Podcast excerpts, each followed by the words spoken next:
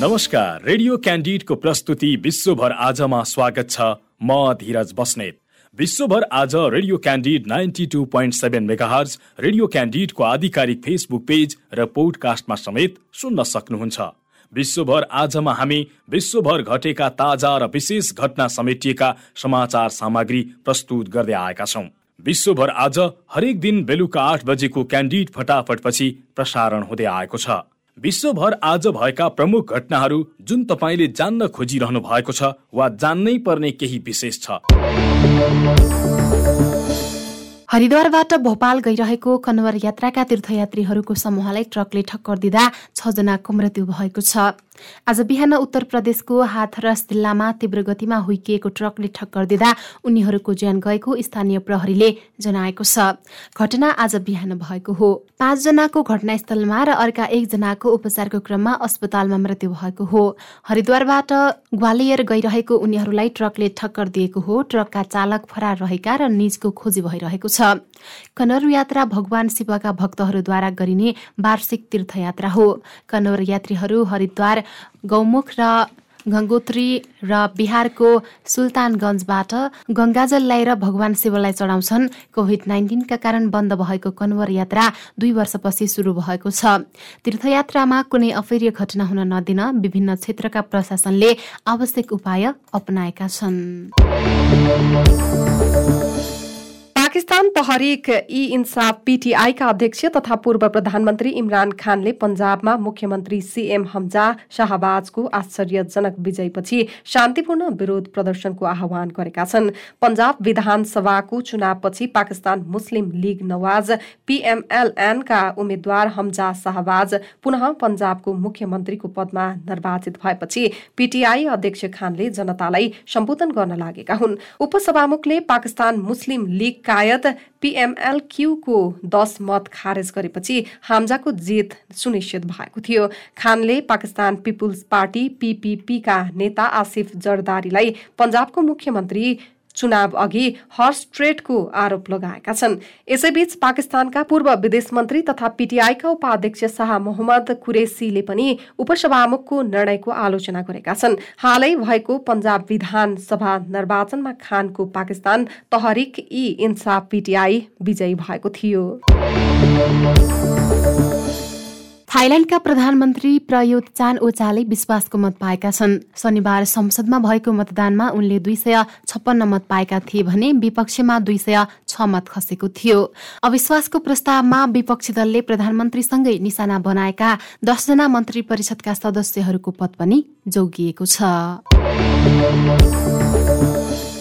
रुस र युक्रेनले खाद्यान्न निर्यात सुचारू गर्ने सहमति गरेका छन्। दुई पक्षका प्रतिनिधिहरूबीच टर्कीको स्थानबुलमा भएको छलफलमा कृष्ण सागरमा रहेको युक्रेनी बन्दरगाहबाट खाद्यान्न निर्यात पुनः सुचारू गर्ने सहमति भएको हो। त्यहाँ उनीहरूले सहमतिमा अलग अलग रूपमा हस्ताक्षर गरे। सम्झौता गरिँदा एक अर्काको झुण्डलाई पृष्ठभूमिमा राख्ने परम्परा पनि पालना गरिएन। दुई पक्ष बीचमा बरु संयुक्त राष्ट्रको ब्यानर राखिएको थियो। सम्झौता हस्ताक्षर कार्यक्रममा टर्कीका राष्ट्रपति रिसेप तैयब एर्दोगानको पनि उपस्थिति रहेको थियो। हस्ताक्षरपछि उनले युक्रेनी बन्दरगाहबाट अन्न निर्यात सुचारू हुन थालेपछि विश्वमा बढ्दो भोकमरीको जोखिम कम हुने र विश्वव्यापी बढ्दो खाद्यान्नको मूल्यलाई कम हुने बताए। दुई मुलुकसँग जोडिएको महत्वपूर्ण मुद्दामा सहमति गराउन एर्दोगानले विशेष पहल गरेका थिए। अमेरिकाले झण्डै एक दशकमा पहिलो पटक अमेरिकामा पोलियोको बिरामी भेटिएको जनाएको छ। न्युयोर्कको स्वास्थ्य विभागले म्यानह्याटनबाट अडचालिस किलोमिटर उत्तरमा रहेको रकल्यान्ड काउन्टीमा बस्ने एक व्यक्तिमा यो रोग भेटिएको परीक्षणपछि पुष्टि गरेको हो। रोग नियन्त्रण तथा रोकथाम केन्द्रका अनुसार अमेरिकामा सन् दुई हजार तेह्रमा अन्तिम पटक पोलियोको बिरामी भेटिएको थियो। अधिकारीहरूले स्वास्थ्य कर्मीहरूलाई थप घटनाहरूको प्रतीक्षा गर्न चेतावनी दिए र खोप नलगाएका इलाकाका मानिसहरूलाई पोलियो खोपको मात्रा लिन आग्रह गरेका छन्। न्युयोर्कको स्वास्थ्य विभागले भनेको छ यसले संकेत गर्छ कि यो भाइरस अमेरिका बाहिरको कुनै स्थानमा उत्पन्न भएको हुन सक्छ जहाँ ओपिभी दिइन्छ किनकि निष्क्रिय खोपबाट उल्टो तनाव उत्पन्न हुन सक्दैन। अमेरिकामा सन् उन्नाइस सय अठासीपछि पोलियोको संख्या उनान्से प्रतिशतले घटेको छ। सन् उन्नाइस सय अठासीमा एक सय पच्चिसवटा देशमा पोलियो फैलिएको थियो भने विश्वभरि तीन लाख पचास हजार बिरामीको संख्या रेकर्ड गरिएको थियो। संयुक्त राज्य अमेरिकामा सन् उन्नाइस सय पचास दशकको अन्ततिर र उन्नाइस सय साठी दशकको सुरुतिर खोप विकास भएपछि पोलियोको नाटकीय ढंगमा कमी आएको थियो। युक्रेन र रसियाले टर्की र राष्ट्रसङ्घसँग खाद्यान्नको निर्यातमा ऐतिहासिक सम्झौता गरेपछि युक्रेनका राष्ट्रपति भोलोदिमिर जेलेन्स्कीले युक्रेनसँग दस अर्ब डलरको अनाज बिक्रीमा रहेको बताएका छन्। रुस युक्रेन युद्ध कारण ब्ल्याक सीमा युक्रेनी खाद्यान्न निर्यात अवरुद्ध भइरहेका बेला विश्वव्यापी खाद्य संकट समाधान गर्ने उद्देश्यले शनिबार यो सम्झौता भएको थियो। जारी रुस युक्रेन युद्धका कारण विश्वव्यापी खाद्य संकट उत्पन्न भएको थियो। टर्कीले ब्ल्याक सी हुँदै युक्रेनबाट हुने अन्नको निर्यात पुनः सुरु गर्न रुससँग सम्झौता गरेको बताएको छ। उक्त सम्झौतामा युक्रेन रुस टर्की र राष्ट्रसङ्घका महासचिवले इस्तानबुलमा हस्ताक्षर गर्दैछ। सम्झौतामा हस्ताक्षर गर्न रुसी र युक्रेनी समूह इस्तानबुल पुगिसकेका छन्। युक्रेनले रुससँग प्रत्यक्ष ढंगले सम्झौतामा हस्ताक्षर गर्न अस्वीकार गरेका छन्। यसको सट्टा दुवै देशहरूले मिरर सम्झौतामा हस्ताक्षर गर्नेछन्।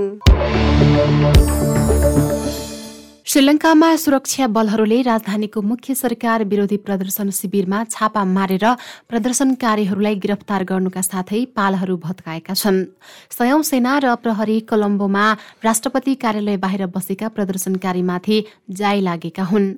दुई घाइतेसहित नौजनालाई प्रहरीले पक्राउ गरेको छ। प्रहरीले घटनालाई राष्ट्रपति सचिवालयको नियन्त्रण फिर्ता लिने विशेष अभियान भनेको छ। प्रहरी कार्यवाहीमा एक संचारकर्मी पनि घाइते भएका छन्।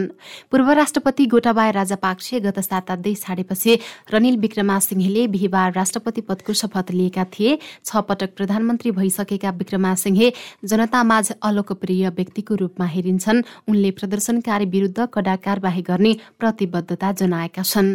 विक्रमासिंहेले बिहिबार राष्ट्रपतिको शपथ लिएपछि विरोध प्रदर्शन मत्थर भएको छ। राष्ट्रपतिलाई देशलाई आर्थिक संकटबाट बाहिर निकाल्ने मौका दिने प्रदर्शनकारीहरूले बताएका छन्।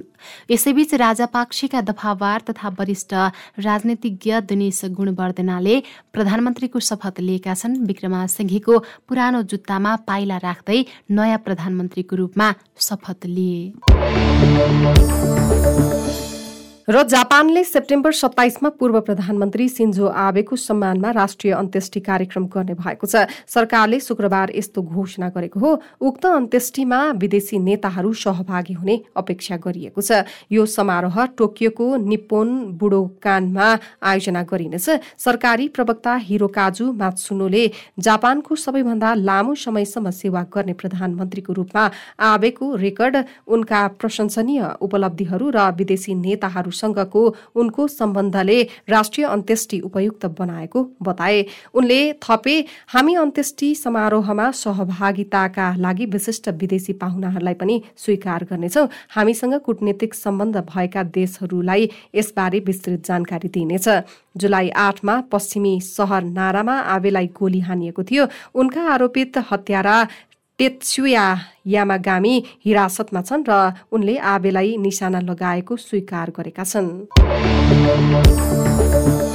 विश्व गतिविधि रेडियो क्यान्डिडको दैनिक प्रस्तुति हो तपाईँले रेडियो क्यान्डिडको वेबसाइट आधिकारिक फेसबुक पेज र पोडकास्टमा सुन्न सक्नुहुनेछ सँगै खबर हब डट कममा पनि विश्व गतिविधि पढ्न सक्नुहुनेछ भोलि फेरि यसै समयमा विश्व गतिविधि बुलेटिन लिएर उपस्थित हुनेछौँ। आजलाई भने बिदा दिनुहोस्। नमस्कार।